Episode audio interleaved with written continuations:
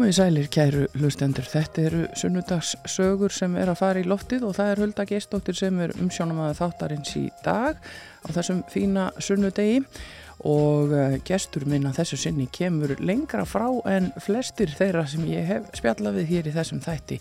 Við fáum að vita meir um það eftir augna blikk. En við ætlum að byrja á því að heyra svo litla tónlist, koma okkur í gang og við byrjum á því að heyra um vorið. Það er hún GTRN sem syngur.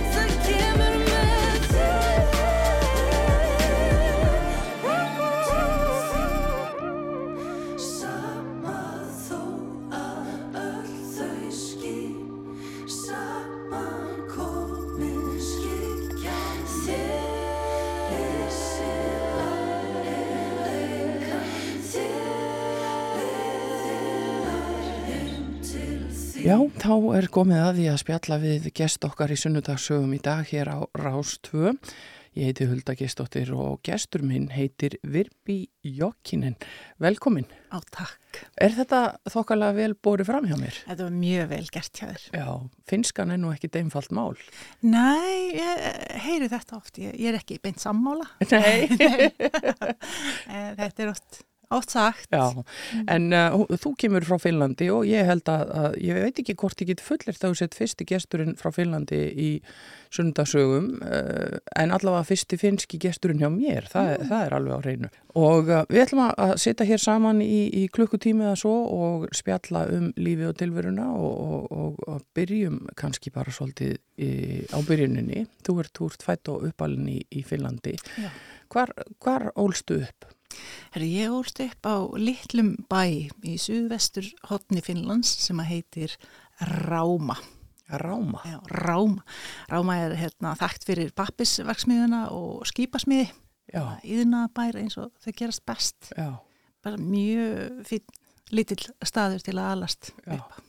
Og, og voru fóreldra þínir unnu þau þá í, í þessum yðnaði? Nei, mamma vann hérna í spítala og babbi hann var málari á borginni þannig hann gekk um allan bæin og málaði gamla hérna, fallega byggingar sem Já. er nóg af í Ráma. Ráma er eitt af eldstu bæjum Finnlands sem hefur varveist reynilega bara í heimskrá UNESCO yfir, yfir þessum myndastöðum sem eru vendar. Þetta er mjög fallegur bær þó ég tala svona bínu hvað að segja, óvínalega um þetta viðnabær.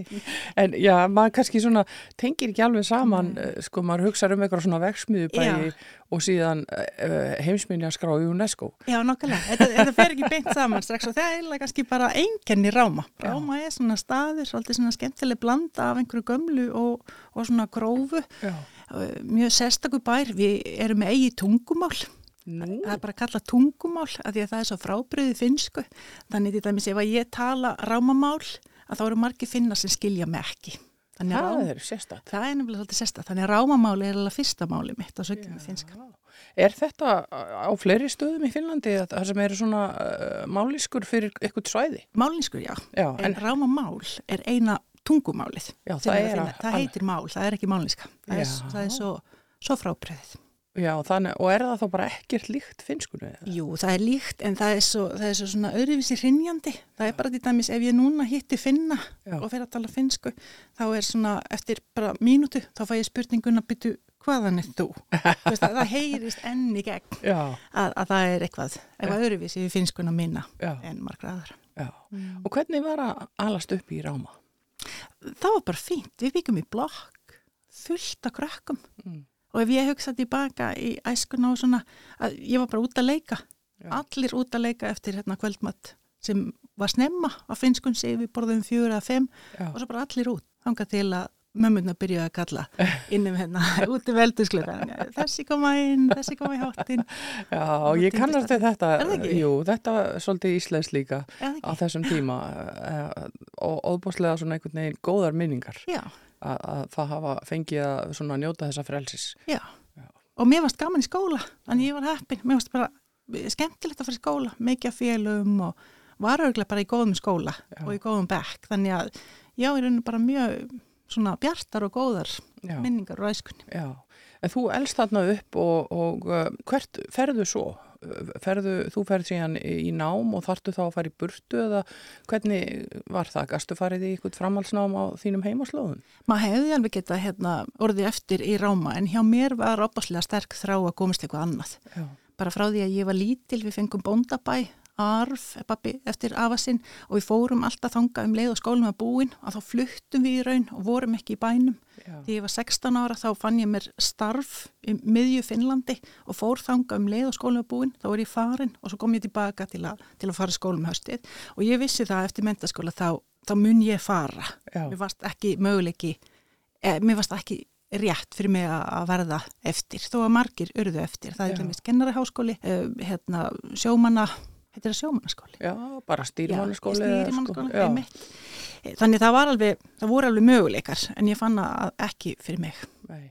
og þá valdi ég í raunni bara uh, námið mitt út frá því að ég vildi læra sænsku betur þá var ég búin að læra sænsku í sex ár svona Já. eins og til læri dönsku Já, bara í skólan Nákvæmlega, og mér varst það svo fúlt að hafa lært svona lengi og vera Já. ekki með þetta. Já. Þannig ég valdi skóla í Finnlandi þar sem genslan fór fram á sænsku, fyrst og fremst til að læra sænsku. Já, Þannig ég lærði vefnað og sænsku næstu tvö árin. já. En svo litið sérstætt fyrir unga stúlku kannski að, velja sér að læra vefnað, hvaðan kom sá áhugi? Mér varst það bara alveg sjálfsagt. Það var alltaf vefstól heima hjá okkur. Það var í stofunni. Já, Mamma var duglega að vefa og fannst mér allar. Það er kunna allar að vefa. já, og ég hef alltaf verið með í að vefa, búa til vekteppi og móttur og allt þetta. Mér finnst það bara alveg sjálfsagt. já, Mér finnst það svolítið sniðugt. Það var nú gaman að gunna þetta og læra sænsku. já. En varstu þá alltaf skapandi sem barn uh, að búa til hluti og teikna og, og svo leiðis eða þannig að þú er haft þetta svolítið í þér? Já, nei, ég er algjörlega þar. Ég hérna, var og er ennþá sí teiknandi og skrifandi. Ég var mjög sterk í öllu sem að snýri að einhverju svona skapandi verkefnum og, að, e, svona, og viðburðum. Já, Ég sé það núna eftir á, ef að það var eitthvað um að vera í skólanum, þá var ég annarkort búin að koma með hugmyndina eða ég tók vel í hugmyndina einhvers annars og sagði, já, komðu, gerum þetta. já Og þá gerðist eitthvað. alltaf til. En talandi um skólana, uh, nú finnst manni oft einhvern veginn svona á fréttum og annað að, að finnska skólakerfið standi mjög framalega og, og, og er það, þú þekkir þetta náttúrulega miklu betur en ég, er, er finnska skólakerfið bara sér á parti í, í Skandinavíu, er þetta langt bestu skólanir? Hvað finnst þér? Hvernig var að vera í finnsku skóla og hefur kynntir þetta svona í setni tíð? Þa, þetta er akkurat þetta. Mér varst gott að vera í skóla, af því að mér líkaði og ég veit alveg að ég var rosalega heppið með kennara. Hún er vinguna minn í dag sem að kendi mér á þriða til sjötta bekk Mm. uh, hérna, og það hefur rosalega mikið að segja. Það sem ég man sérstaklega eftir hérna úr, úr mínum skólagöngu í Finnlandi og í grunnskólanum, að það var hérna, rammin var mjög skýr. Mér ég alltaf að vita hvað ég átt að gera eða hvað var ætla að stilla mér og, og hvernig allt virkaði, veist, mjög mikil regla og svo var heitur matur. Ég hugsaði tilbaka og ég hugsaði hvernig hefði ég lífað þetta af ef að það hefur ekki verið svona góður heitur matur hjá deginu og hversu matvond væri ég í dag hefði ég ekki þurft að borða allan þennan mat. Af Því það var alls konar og það var bara Já. ekkert búið að segja ég ætla ekki að borða þetta. Nei, þetta var bara það sem var í Þú mati. bara gjör, svo- gjör svo vel, þú bara varst að borða því að þú varst svo svöng og það reiknu allir með þessu, foreldrar, þú veist, barnin bara borðar í skólanum og svo er bara kvöldmatur. En þessar uh, finnsku matarhefðir, uh, sko við vitum hvað er svona hefðbundin kannski hverstasmatur á Íslandi. Hvað va- voru þið að borða til dæmis í skólanum í Finnlandi? Hvað væri svona típist í matinn þar? Kartublur. Kartöflur. Kartublur. Kartublur með, með svona haksósa eða kartublur með pulsum eða kartublur með fiski. Já. Kartublasósa og eitthvað. Og kartöflur eru þá einhver svona svolítið bara grunn undirstaða í öllu þarna. Já. Og eru þið mikil uh, kartöflur ræktunar þjóð þá eða? Mér finnst svona eins og bara allir rækta kartublur, að það sé svona sjálfsagt. Já, bara hluta lífinu. Já, og það hjá okkur eru þessi út í tork að sumri til sem alveg dásalegt, þannig að þú lappar bara að næsta torki og þú kaupir af markaðir. kartöflum, já, á ferskum hérna, kartöflum og þetta er allstaðar og líka græmiti og, og hérna, já, græmiti Já. alls konar, róta græmiti rosalega mikið frambúð og þykir opaslega eðlilegt að, að neyta þetta Þetta er bara svona Og til pa- salat. partur af, já, Já. partur af lífinu Já. og, og, og hérna, en Finnland náttúrulega eh, norðarlega, svolítið svona eins og Ísland, kannski ekki alveg en, en uh, samt greinlega hægt að rækta ímislegt þar. Já, ég held að sé, hérna, ég held að sé bara ágætt ræktuna skilir í Finnlandi Já. allavega miða við hvað við búum við hér Já, mikið af landi og, vatni og gott skjóla öllum sem þrjám og svona já, já mikill skóur í Finnlandi. já. En uh, þegar þú ferði síðan í, í, framhaldsnám og ferði að læra vefnaðin, varstu svona farin að hugsa eitthvað lengra fram í tíman hvert þú ætlaði með þetta eða hvað þú ætlaðir í lífinu? Eða varstu bara svona eins og ungu fólk ger tamt, bara lifa fyrir daginn í dag? Ég, þegar ég var ung, þá var ég eins og ungt fólk. Já, nú er ég nálgast fintugt eftir nokkra dag og ég er ennþá eins og ungt fólk. Já, ég, hérna, ég, ég er enna í rauninni að leita að stóru stefnunni í lífinu, annað en að í rauninni bara leitast eftir svona hamingju og, og bara velja. Bara að njóta dagsins í dag og gera sitt besta og koma vel fram og, og ná í rauninni árangri í þeim verkefni sem er að takast, við, að takast á við hérna, í dag. Mhm. en, en þarna, að, þarna var ég kannski jafn opinn og ég á ennþá til að vera. Ég er mjög gjöld á að segja já. Já, áður en ég næja að hugsa hvað ef þetta gengur upp og hvað ef að eitthvað kemur fyrir eða hvað ef þetta er vittlega eitthvað svona, ég er rosalega gjörna á að segja já, við erum í opin fyrir hugmyndinni Já. og þarna gerist akkurat það að ég fæ hringingu frá Íslandi sem er mjög stutt og nýtmiða. Reyndar er það þannig að ég er ekki heima þegar heima síminn ringir mastu simdæki sem, sem er staðsett í húsi eins og við vorum sinni með. Nákvæmlega, er ekki heima, mamma svarar síman og mamma talar ekki tungumál annað en rámamál og finsku. Og hérna, eina sem hún getur bara sagt er tomorrow, tomorrow.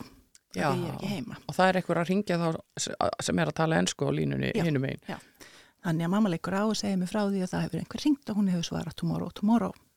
Og svo daginn eftir þá sit ég bara og byrði símum að það er komin tomorrow. Því maður getur ekkert farið því að símin er þarna.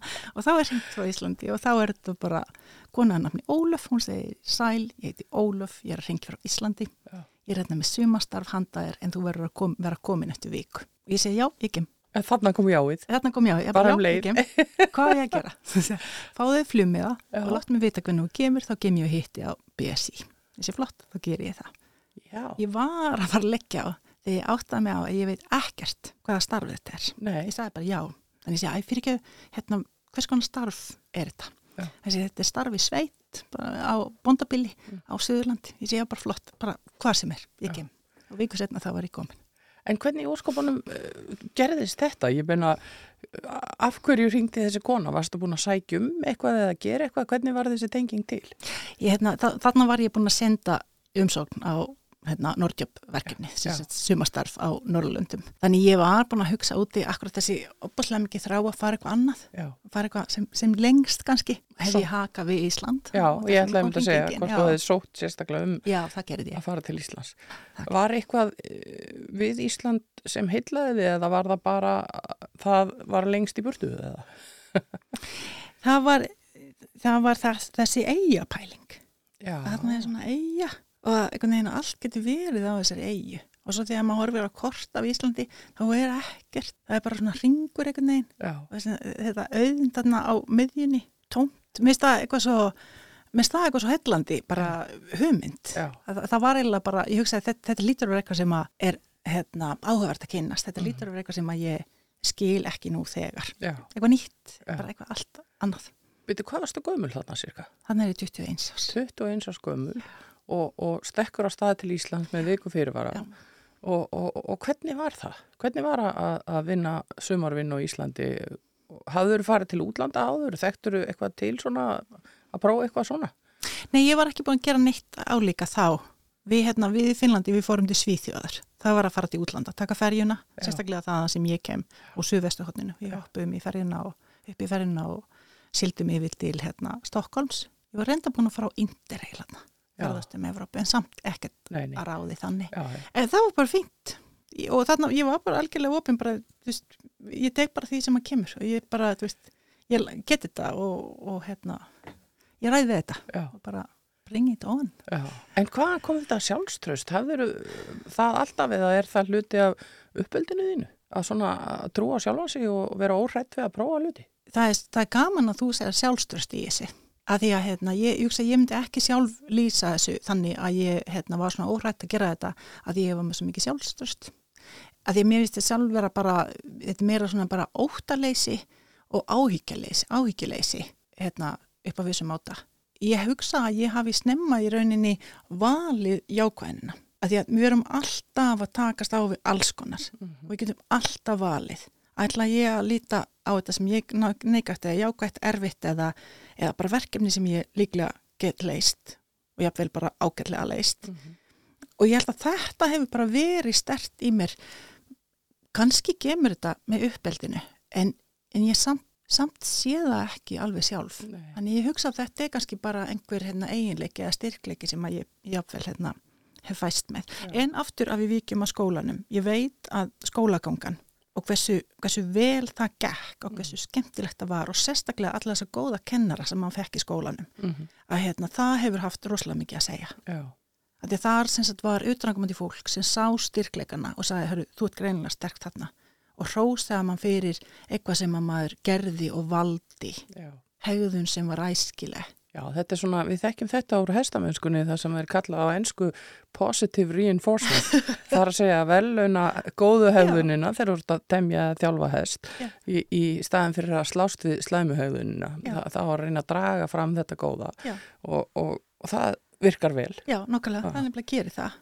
Og þetta er akkurat þarna að mér hefur alltaf fundist sko kennarastarf svo brjálega mikilvægt mm. og mér finnst sko að, að það á að vera færasta og besta og áhersamasta fólkið sem vinnu sem kennarar Já. og kennarar eiga að vera á góðum launum þannig að það sé eftirsótt að vera kennari að því að þá fá börnin okkar nokkla þetta sem ég mér sér að lýsa og, og það er það sem börnin okkar búa svo að Já. alla æfi Já. og eins og út í Finnlandi það, það, það hefur alltaf verið mikil, mikil virðing búið fyrir kennara það, það hefur alltaf þótt virðingavert og flott að vera kennari Hvernig eru laun kennara í Finnlandi? E, eru þau þokkaleg? Hérna, ég bara því þekki það ekki en það er bara en það er eftir, eftirsótt. en það er eftirsótt og það er fínt að vera kennari. Já.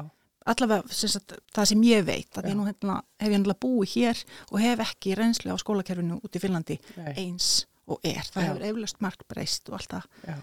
En, en þetta byggja á mína í rauninni personlega reynslu. Áður en að við, við, við kveðjum Finnland og færum mm -hmm. okkur uh, lengra inn í framtíðina uh, þú átt sískin? Já, ég veit bróður bróður, hann er hérna fjórum árum eldri en ég. Já, og, og voru þið saman í, í, í hérna út í bröldinu að leika og eh, náðu þið vel saman eða er þessi aldursmunur kannski of mikill þegar maður er krakki? Sko, með því ekki mjög vænt um bróðum minn í dag. Já. en? en? ég man ekki eftir honum frá því að við vorum lítil. Já. Að því að þegar ég segi mig að ég sé fjara ára þá er hann orðin 8 ára mm. og hann gerði nákvæmlega þetta sama og ég var að lýsa á þann að þegar skólinn var búinn mm. þá var hann farin í sveitina til frengukar þar sem voru traktorar og bílar og svona og hann var bara þar. Já. Þannig ég hef svo fáar minningar um okkur í einhverjum leikim eða einhvern veginn eitthvað að gera. En eins og því sem ég þykki mjög vænt um Þið náðu betur saman sem fullorðin. Algjörlega Ég, ég, ég þekki þetta líka, það er svona jújú, jú, þú veist, þetta geta verið svona pyrrandi litlu sískinin mm -hmm. á þessum aldri. En síðan þykir manni auðvitað óskaplega vænt um þau þegar, mm. áreinir það, það hefur ekkert breyst. En uh, þú ert komin þetta til Íslands og uh, ert þetta sumar, ferðu svo heima aftur til Finnlands að loknu sumrunu eða hvernig þróuðu smálinn? Nei, ég fór aldrei. Nei? Nei. Ég, hérna, ég kíkti heim fyrsta skipti einu og halva ári setna. Já. Það var vinn minn að kifta sig og það var svona brúköp sem ég vildi ekki missa af. Þannig að ég hérna, gerði mig ferða þarna á mjólinn og, og áramót, bara til að viðstöld, vera viðstöld í þessu brúköpi. Og svo kom ég aftur. Þannig ég er bara komaðna 93 og, og hef, má segja, verið hér síðan. Já. Hvað var það sem að uh, held í því? Svona upphaflega? Já. Sko, mér varst ég aldrei vera tilbúin til að fara. Mér varst alltaf vera eitthvað sem ég átti eftir, voru staði sem ég átti eftir að heimsækja. Þú veist, ég er ekki búin að fara þánga, ég er ekki búin að ferðast þángað, ég er ekki búin að gera þetta, sjá þetta. Og svo fannst mér ekki kunna nógu að íslensku. Þetta var svona, svolítið eins og með sænskuna að mér fannst eða svona tilgangs, tilgangslöst að hafa lært smá en bjarga mig valla. Mm -hmm. að aðeins meira, aðeins meira. Svo hérna, komst ég inn í hérna, mynd og hand í degstil, þarna fljótlega og ég ætlaði bara að taka eitt ár Já. svo er ég búið með eitt ár, veist, ég get alveg eins veist, tekið setna árið eða veist, annar árið og að ég klára þetta mm -hmm.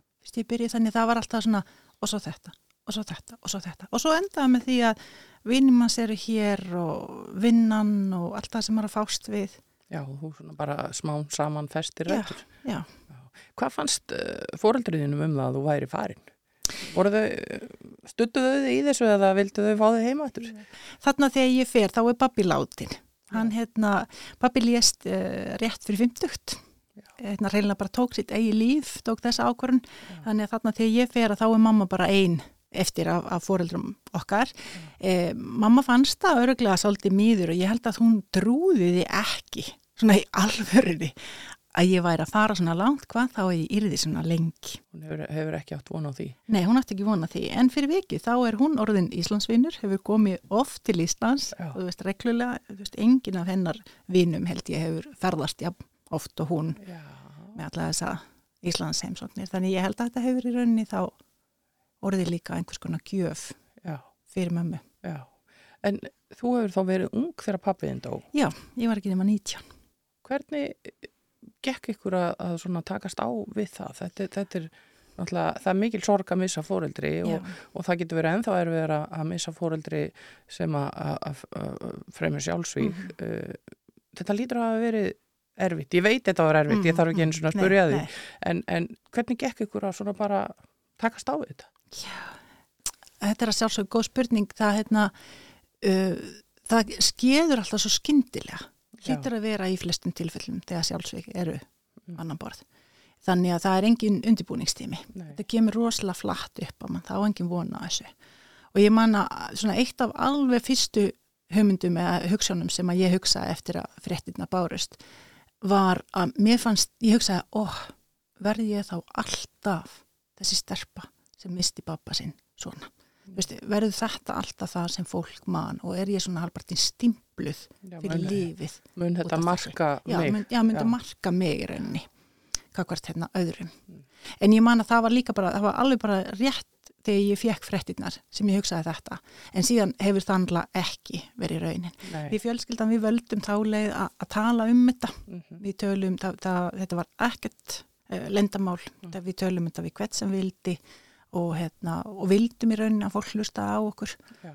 og svona eftir á sérstaklega að þá hugsa ég að þetta var í rauninni besta mögulega leiðin sem við gáttum valið. Við höfum ekki komið vel út úr þessu ef við höfum ekki náða að ræða þetta svona. Nei, og ræða í sorgina og, og, og þessi áhrif sem það hafði á okkur. Já.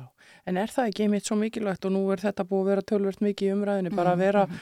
einlegur og opinskára að því að það, það er fólk sem að deilir þessari reynslu út um allt. Já, einmitt. Þetta er ekki sjálfgeft. Nei, nei, þetta er það ekki. Já. Þetta er hérna, eða bara leiðinlega algjent og í rauninni mann man langar alltaf að bæta við að það er svo það er svo, það er svo sorglegt þegar líðan okkar verður þannig að okkur finnst við ekki sjá möguleikana eða leiðir út Já.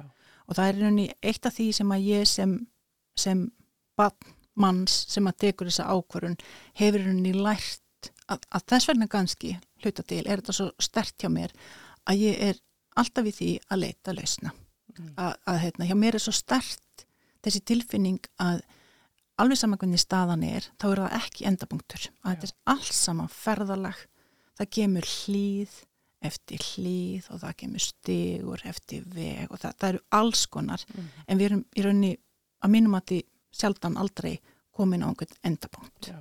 og þetta hefur kannski verið svona eins og segir uh, ákveðin svona vendipunktur í, í, í bara svona þinni lífsafstöðu að bara horfa alltaf fram á veginn mm. og leita lausna sama hvaða áskorun þú mætir. Já, það, það, er, hérna, það er mjög líklegt akkurat að þessi reynsla hefur hérna, haft þannig áhrif á mig og ég, ég vil einhvern veginn sjálf líka tengja þessa, hérna, þessa svona, svona, svona jákvæðni og bjartsinni mm. sem ég bý yfir sem, sem eru mínur, mínir kannski jafnvel helstu styrkleikar mm -hmm. að, hérna, að það líka svolítið sprettur þaðan að það, það er lífskrafturinn okkar að sjá að það er eitthvað framöndan Já. og trúa að allt eða margt eða eitthvað getur farið vel Já. Við skulum fara í eitt ljúkt og gott lag í beinu framaldi af þessum pælingum við skulum heyra hérna í bílónum sem syngja um sólina sem er að koma og, og vermir allt og alla í læginu Here Comes the Sun. Here comes the sun. Here comes the sun, I say it's alright.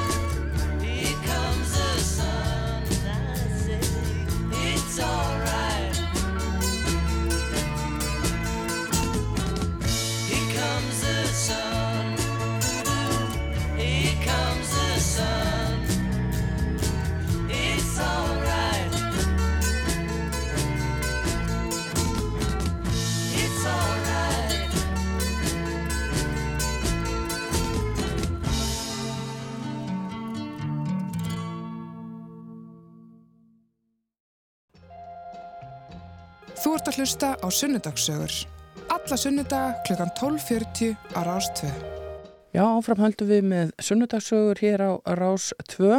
Gestur minn í dag er Virbi Jokkinen og við erum búin að vera að fara yfir uppvöxtinn í Finnlandi og eh, já, svona lífsviðhorf hennar sem að mótast hefur meðal annars af erfiðri lífsreynslu.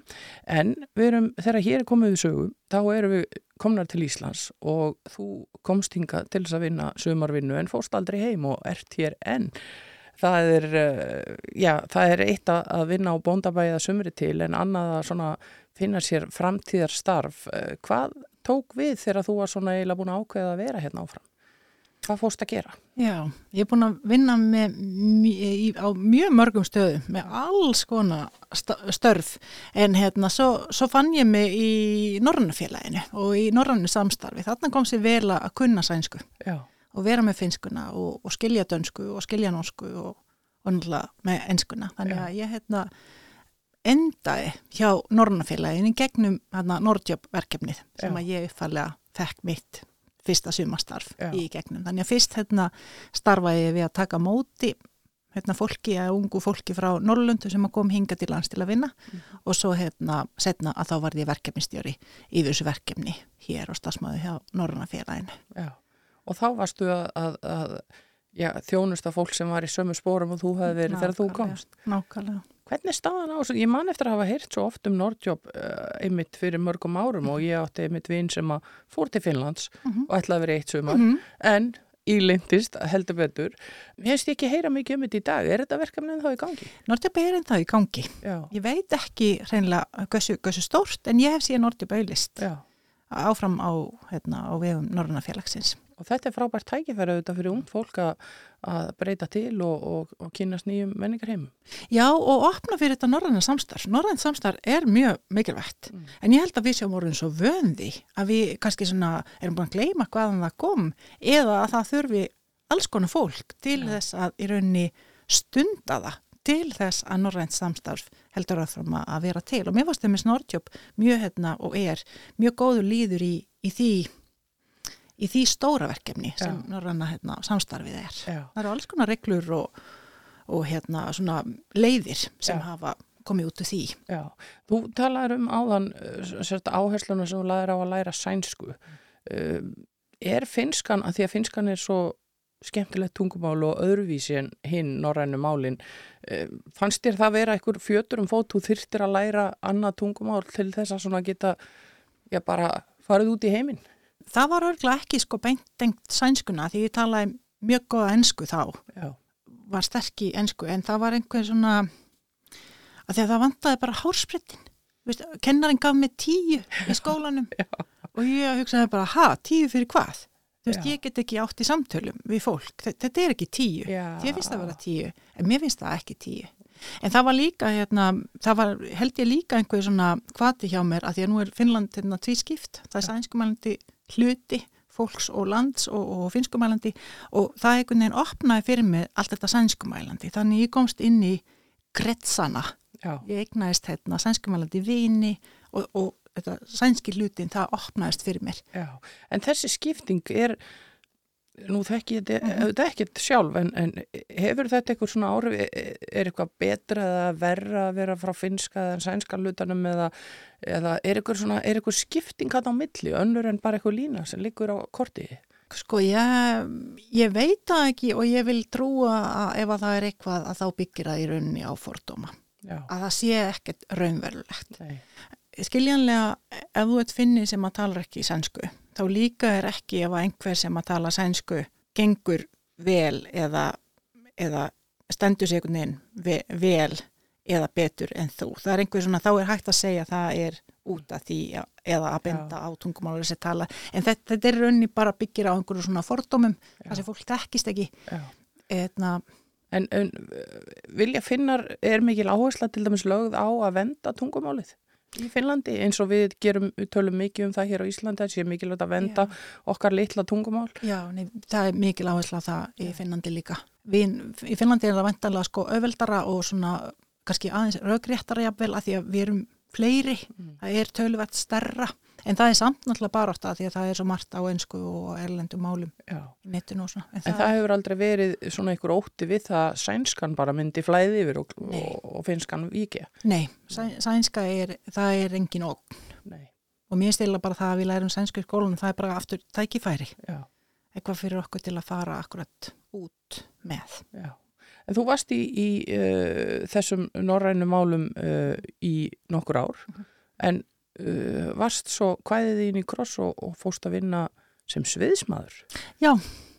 Hvernig kom það til? Já, það er, það er eitt af þessum jámómentum. Já. Að ég fann bara í, hjá Norrannumfélaginu, þetta var gott, tím, gott tímabíl og, og skemmtilegt verkefni, en svo fann ég að ég var farin að endurdaka mig svo. Að hvert sumar í rauninni það var undirbúið nákvæmlega eins og svo fóruð það nákvæmlega eins og þetta var ómikið hérna, endurtekni þannig ég ákvaða bara að fara að gera eitthvað annað Já. Og hérna hef alltaf haft mjög mikið áhuga á leikúsinu en uh, var aldrei einhvern veginn búin að átta mig á því að leikús gæti verið vettfangur það sem ég gæti fengið að starfa. Ég var ekki komið það langt en þá var semst auðlist eftir hérna, sviðsmanni að því að þjóðleikúsi var að opna kassan, hérna nýtt svið hjá sér mm. og það vantaði einn hérna, auka uh, sviðsmann. Þannig ég sótti um og var valinn og áðurinn vissi að þá er ég farin að vinna í þjóðleikúsinu sem, sem sviðsmaður og fekk alveg óbáslega góða handleðslu inn í það frá starfsfólkinu sem var fyrir í þjóðleikúsinu og fannst æðislegt að vera komin í, hérna, í, í leikús.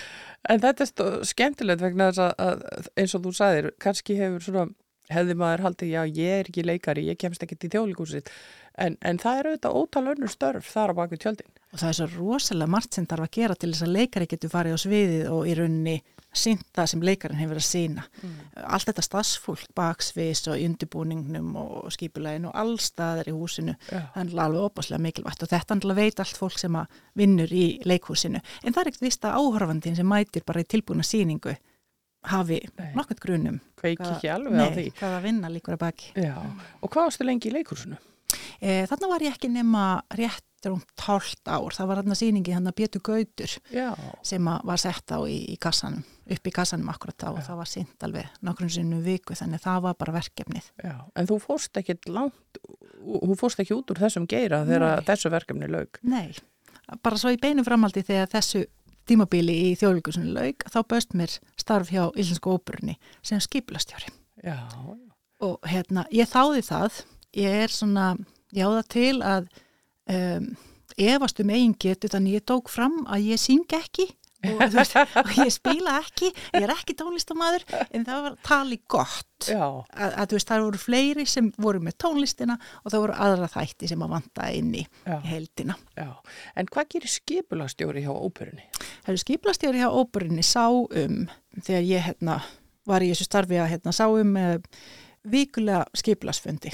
Það sem að hérna, því var bara stjórnað að allir vissu allt það sem væri framundan, allir getur skipulagt sig, skipt tímanum, tímanum á sviðinu, uh, fengum upplýsinga um nýverkefni, skipulastjóri hérna bassa upp að væri ekki áreikstrar í húsinu, ef átt að vera eitthvað annað um að vera, tónleika eða annað, þá þarf að vera undirbúinistími, frágangstími og það þurft að raða æfingum og öðru þannig að, að allt komst fyrir. Skiprastjórunni sá bara um að aðri gætu unnið vinnuna sína Já. og áhrandunum fannst allt vera tilbúið og fínt þegar þau kemi í hús. Já, við komum nú kannski betur að því að eins og eftir sko, skipulæginu sem að leikur nú stort hlutverk í lífinu þín í dag Mm -hmm. en varstu þarna að byrja kannski þann feril þar að segja svona að, að vera í, í einhvers konar skipulags eða verkefna stjórnun e, á þessum tíma?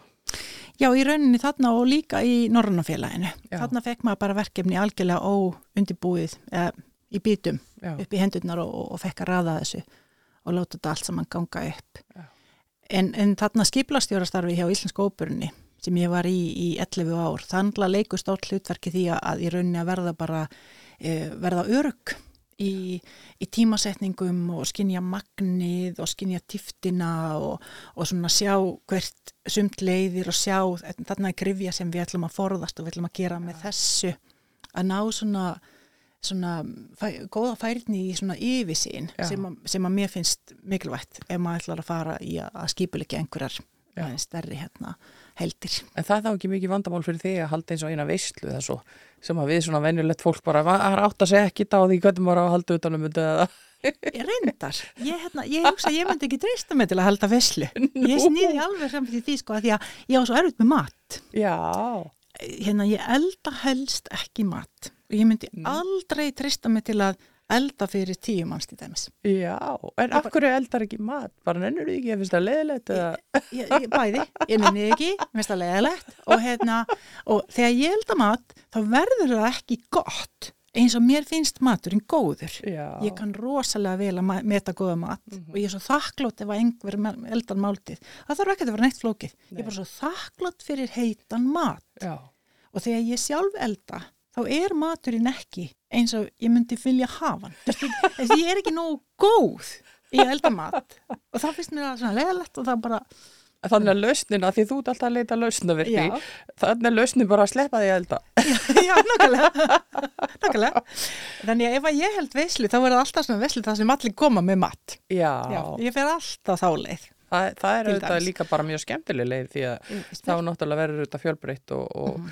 En, en þannig að þú ert ekki að koma með kartöflurétt, finskan kartöflurétt inn í það Nei. bók.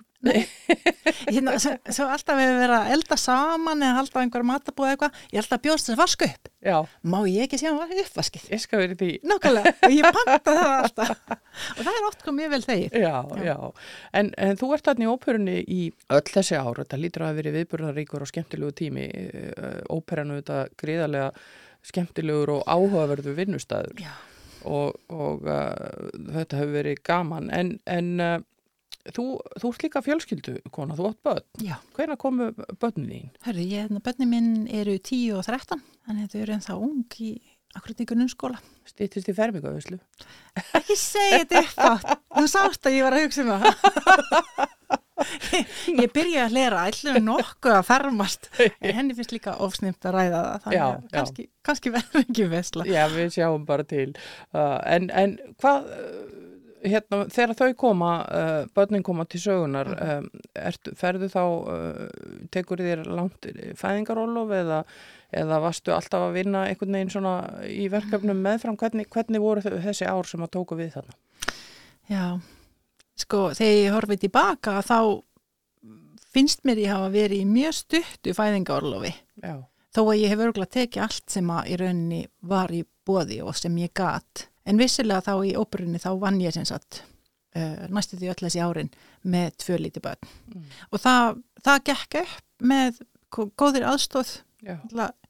Ég á ekki börnin einn, þannig Nei. að það er alltaf þetta með að skiptast á og deila ábyrninni. Og eins og ég sagði hérna áðan þá hérna, mamma hefur komið oft og titt og var, því var þá stilt þannig að þegar það var frumsýningi óbyrninni þá ótti mamma akkurat leið, leið við já, og tvaldi oft með okkur. já, þannig að börnin hafa fengið að njóta þess að vera með ömmu sinni. Já, og mamma þín, hún er ennþá lífi? Já mamma hérna er að nálgast áttrætt, býr, býr áfram í ráma og stundar keilu að kappi. Já, Hún er alveg sko, hún er mestari í keilu. Alltaf að segja frá einhverju velunum og eitthvað. Ég já, já. Mm er það eitthvað, stunduðu þau keilu þegar þú var skrakki? Nei, var bara, Hvenær tók hún upp á þessu? bara þegar hérna, þegar við vorum flutt út, ég, ég verði bara að veita ekki, þetta er bara svona dómstundagaman sem hún allt í henni uppskattaði. Já, Og ég mann mér fannst það mjög skreiti fyrst að því ég var aldrei búin að sjá fyrir með mömmu í keilu. En eins og ég segi, hún er bara rosa góð. keilumeistari bara. Já, hún er alltaf best. er það aðeinslega. ót- Já, það alveg ótrúlegt. Já, en hún er ennþá, þó hún sé orðin uh, fullorðin, ennþá duglega að koma til þín á Íslandi. Eh, reyndar segist hún núna vera hægt að ferðast. Já, þetta sé komið bara. Já. En ferð þú þá mikið út? Hérna, ég passa upp á að fara reglulega. Einu sinna ári þá, hérna, fer ég út með börnin. Það er svo mikilvægt að halda tengslum, Já. kynnast stóri ætt sem við erum með, hérna, eigum úti já. Og, og tala finsku og, og í þessum finskum samskiptum. Já. Saknaru einhvers uh, frá Finnlandi eða ertu sátt hér? Ég, um, ég sakna ekki. Nei.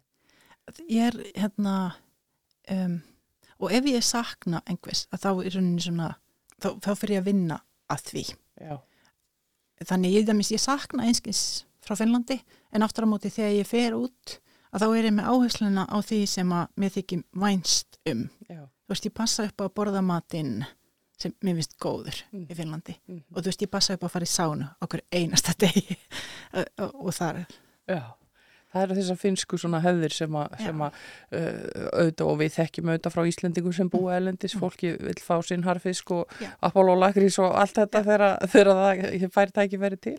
En, en uh, hvað ertu búin að vera, góð, ég er nú ekki svo góð í reyningi, hvað ertu búin að vera lengi á Íslandi núna? er 29 ár núna í sumar Þannig að það er meiri hluti æfiðinnar á Íslandi Já.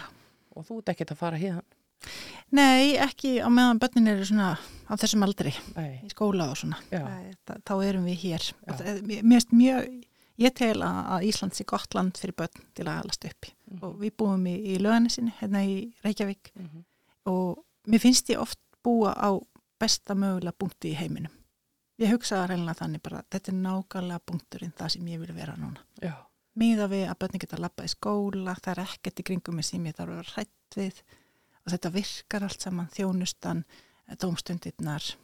Það er bara allt bara nákvæmlega eins og besti gósið Þetta er rosalega svona jákvætt og, og, og gott viðhorf sem þú hefur og, og, og ég- finn fyrir því þegar við tölum saman að, að þú ert, og við höfum náttúrulega nefnt að þú ert lausnamiðuð og þú, þú svona tekur ákveðna stefnu í lífinu hefur þetta bara alltaf tekist hjá þér að, að, að vinna með þessa jákvæðni? Hefur aldrei einhvern veginn lent á vegg og bara hugsað, ó, það er allt glada núna Nei, mér mistekst oft.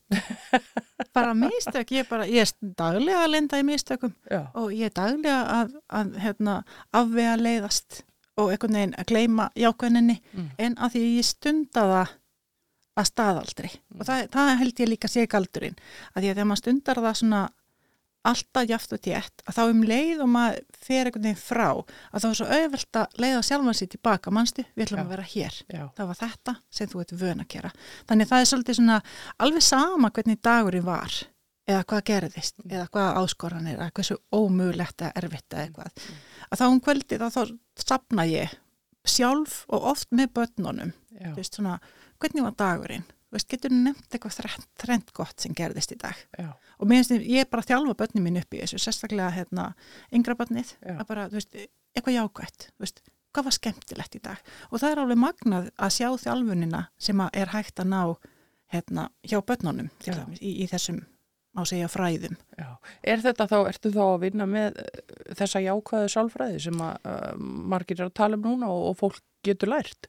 Já, í rauninni er ég að gera það. Ég fór í diplónum á hjá Endurmyndun Háskóla Íslands þannig að þegar COVID var að byrja þá kláraði ég akkurat jákvæða hérna sálfræði og ég fór í það nám að því ég hugsaði með þarna er einhver svona nálkun sem ég finnst áhugaverð.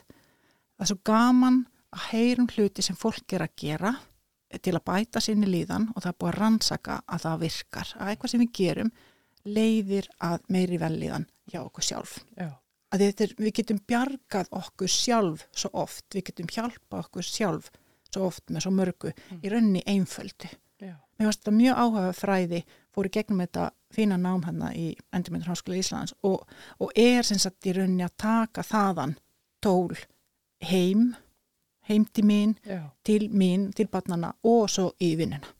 Ég finn, finn oft að ég sé að koma í rauninni með einhverjar hérna, einhver tól úr jákvæði sálfræði í samtölum við fólk sem ég er að vinna með já, bara því að ég tel að það virkar eða allavega það eru góðar líkur á því að ná árangri ef maður notar einhverja svona aðferðir já. Og þú auðvitað hefur, það fer engin áfalla löst í gegnum lífið. Ég menna við vitum það að þú er búin að upplifa uh, stóra sorg. Þú ert líka búin að fara í gegnum skilnað og, og þú hefur getað nýtt þér þessi tól til þess að bara taka næstu skref og halda áfram. Nákvæmlega, Og það er svo margt sem við getum gert sjálf. Já.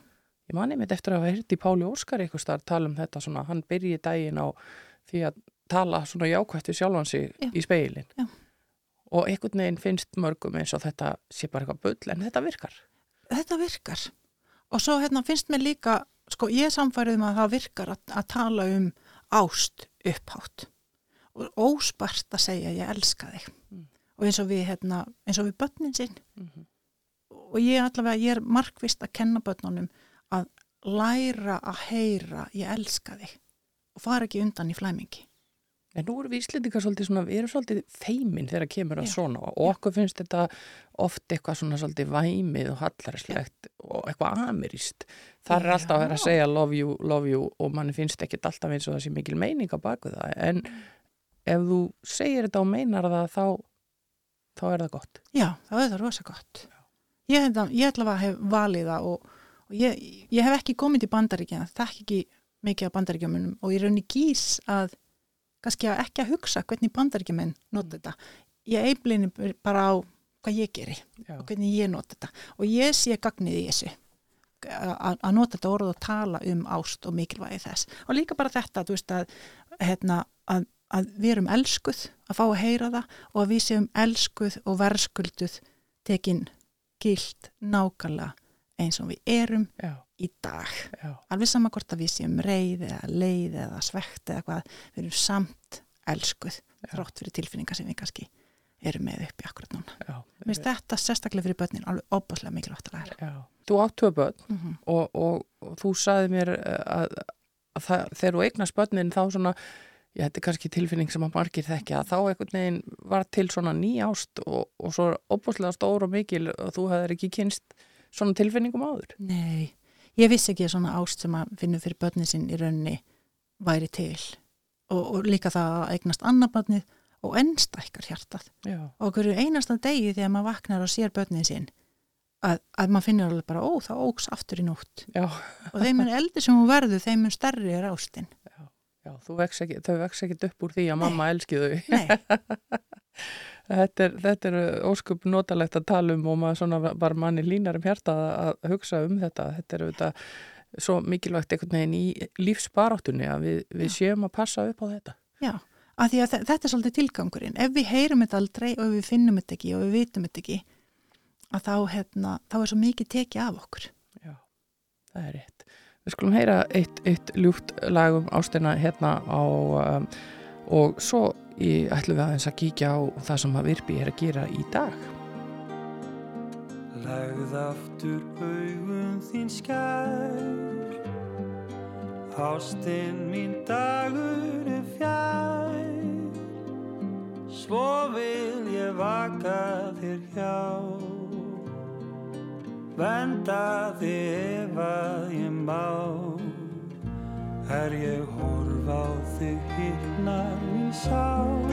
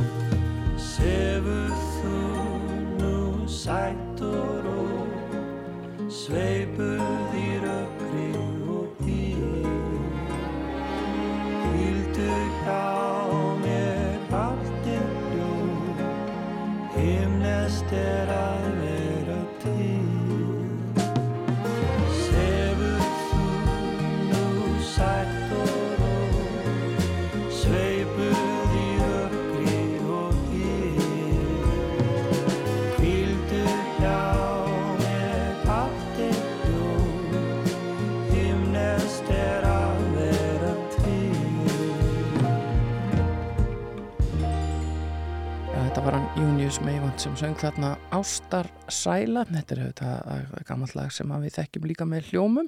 Alveg einstaklega ljúft og gott svona eftir spjall okkar hérna um ástina og kærleikan rétt áðan.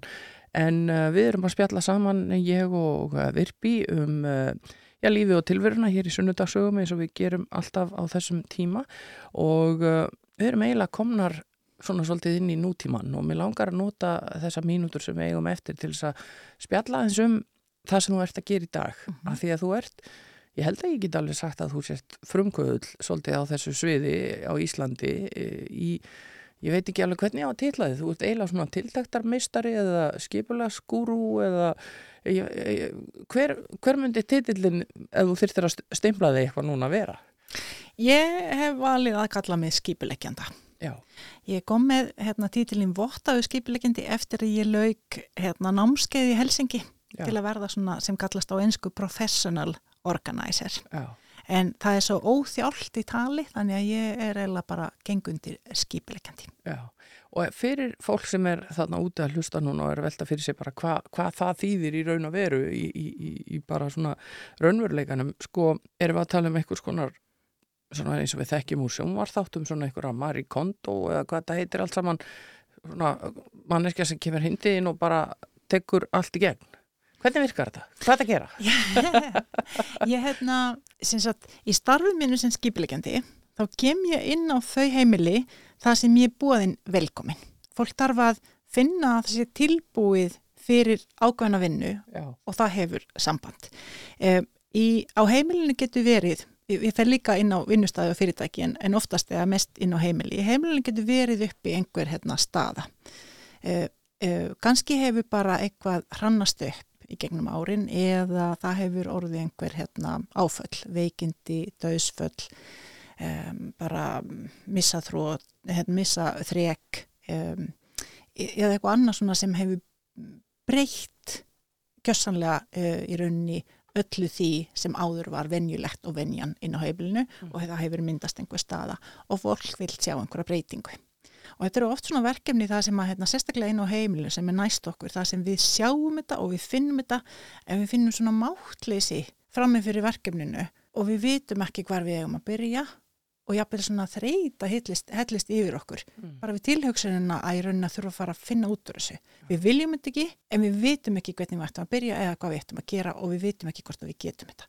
Og þar kem ég inn, akkurat í þeirri stöðu, það sem að vantar aðstóð í smástund til að leysa upp einhverja stöðu svo hlutinni geta aftur hérna, gengið. Eh, Oft hérna, hefur eldra fólk samband sem að langar að flytja já, en sem treysti sér ekki í flutninga að því að það er svo yfirþyrmandi að hugsa að maður þurfi að finna út úr gamla heimilinu. já. Og það, það er til dæmis nýtist svona aðstofa mjög vel að rétta koma sér að stað í verkefninu til að geta flutt eins og manni langar. Já, en þetta þarf samt ekki, þetta er ekki bundi við að endilega þetta sé eitthvað rosalegt vandamál. Þetta er, þetta er góð lausn við vandamálum, en þú getur líka komin til fólks, já bara svona sem að vil skipulegja bilskurinn sinni eða eitthvað. Algjörlega, algjörlega. Hérna, hérna, stundum sér fólk og veit að ég myndi vilja að þetta, heitt á þetta rými, segjum bílskúrin, myndi virka öðruvísi. Ég myndi vilja að þetta væri skilvirkara, ég myndi vilja að útivistin væri hérna megin, en sér ekki lausnirnar og sér ekki híslutnar sem það er með.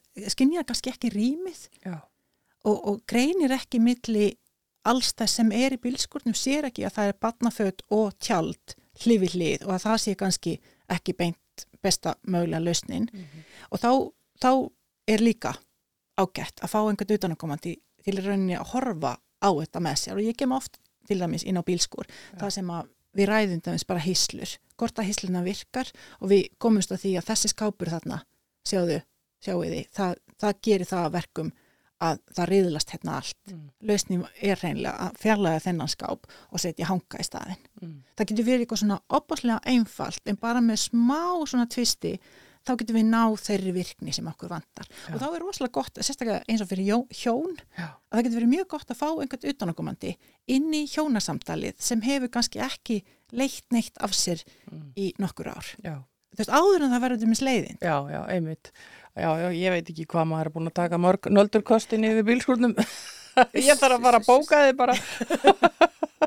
en þetta er, en þetta lítur, sko, ég veit að þegar maður fer í eitthvað svona, hvort sem það er eitthvað skona tiltækt inni eða í bílskurnum eða í gardinum eða hvað sem er, að það er ofsalega mikil svona velíðuna tilfinning sem fylgir því að vera búin að þessu og horfa yfir og sjá breytinguna.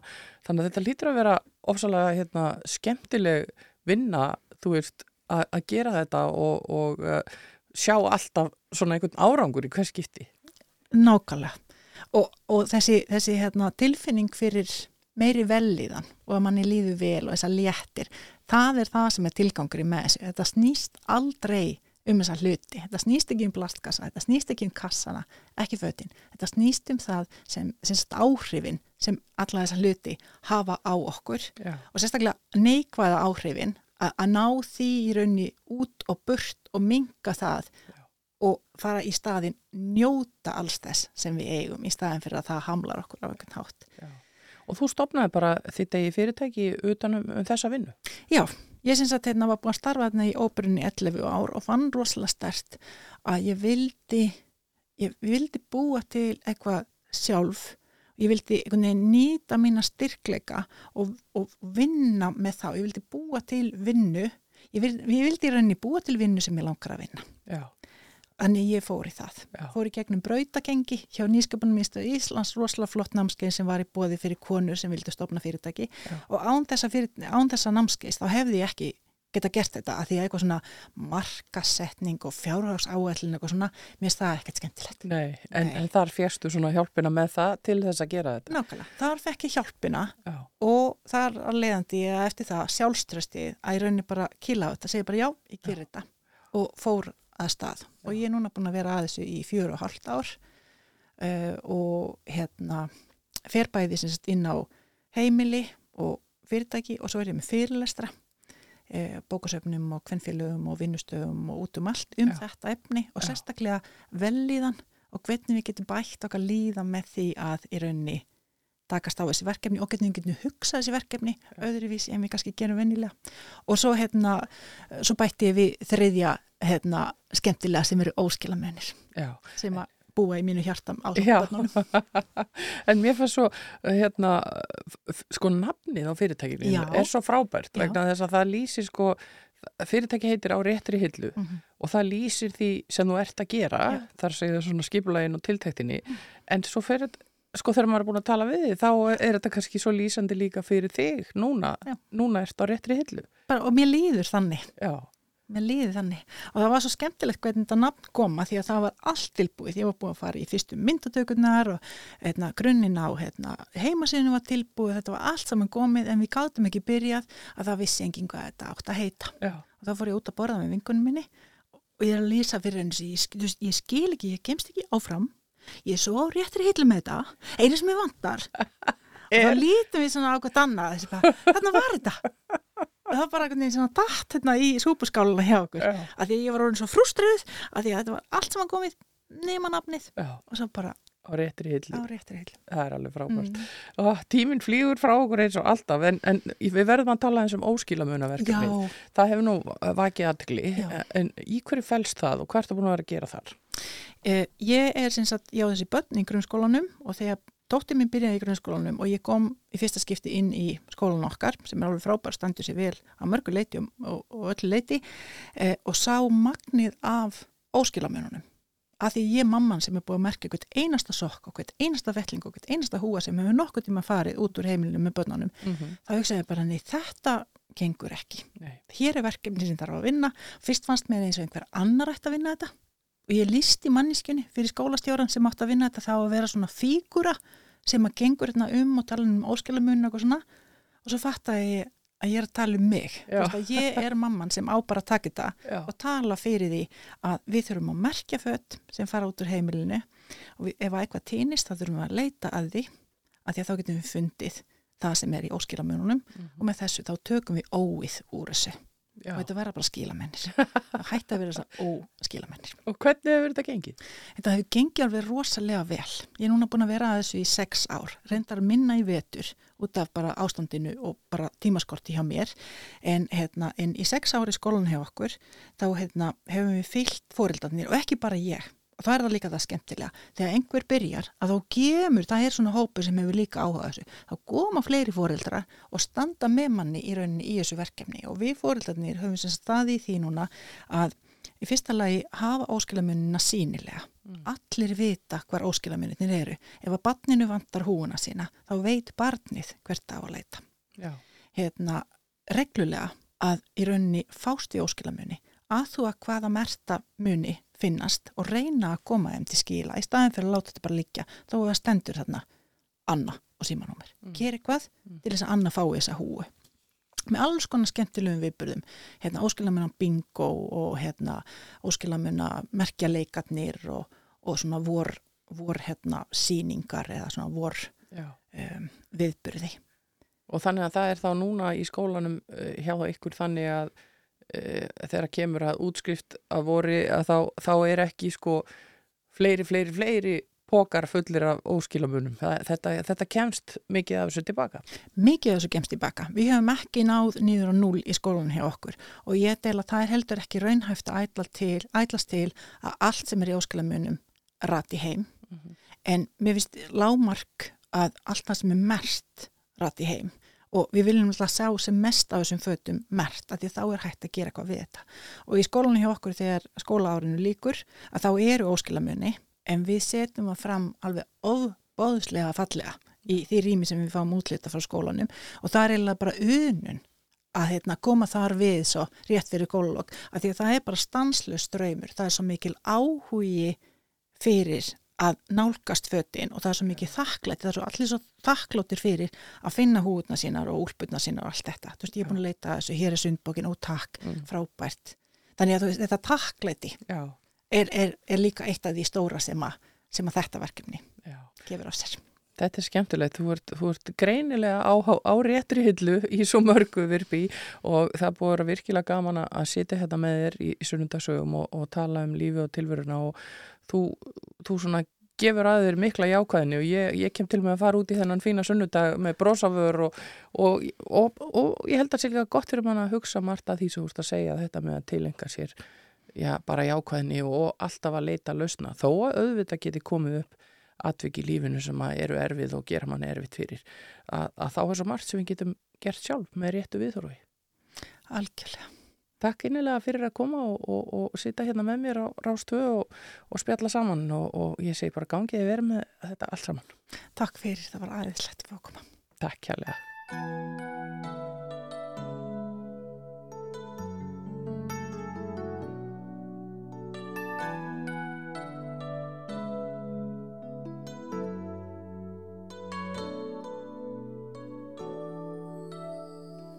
I believe the children.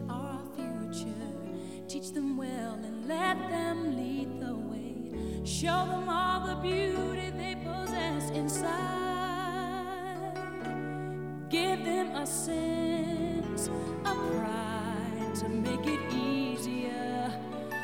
Let the children's laughter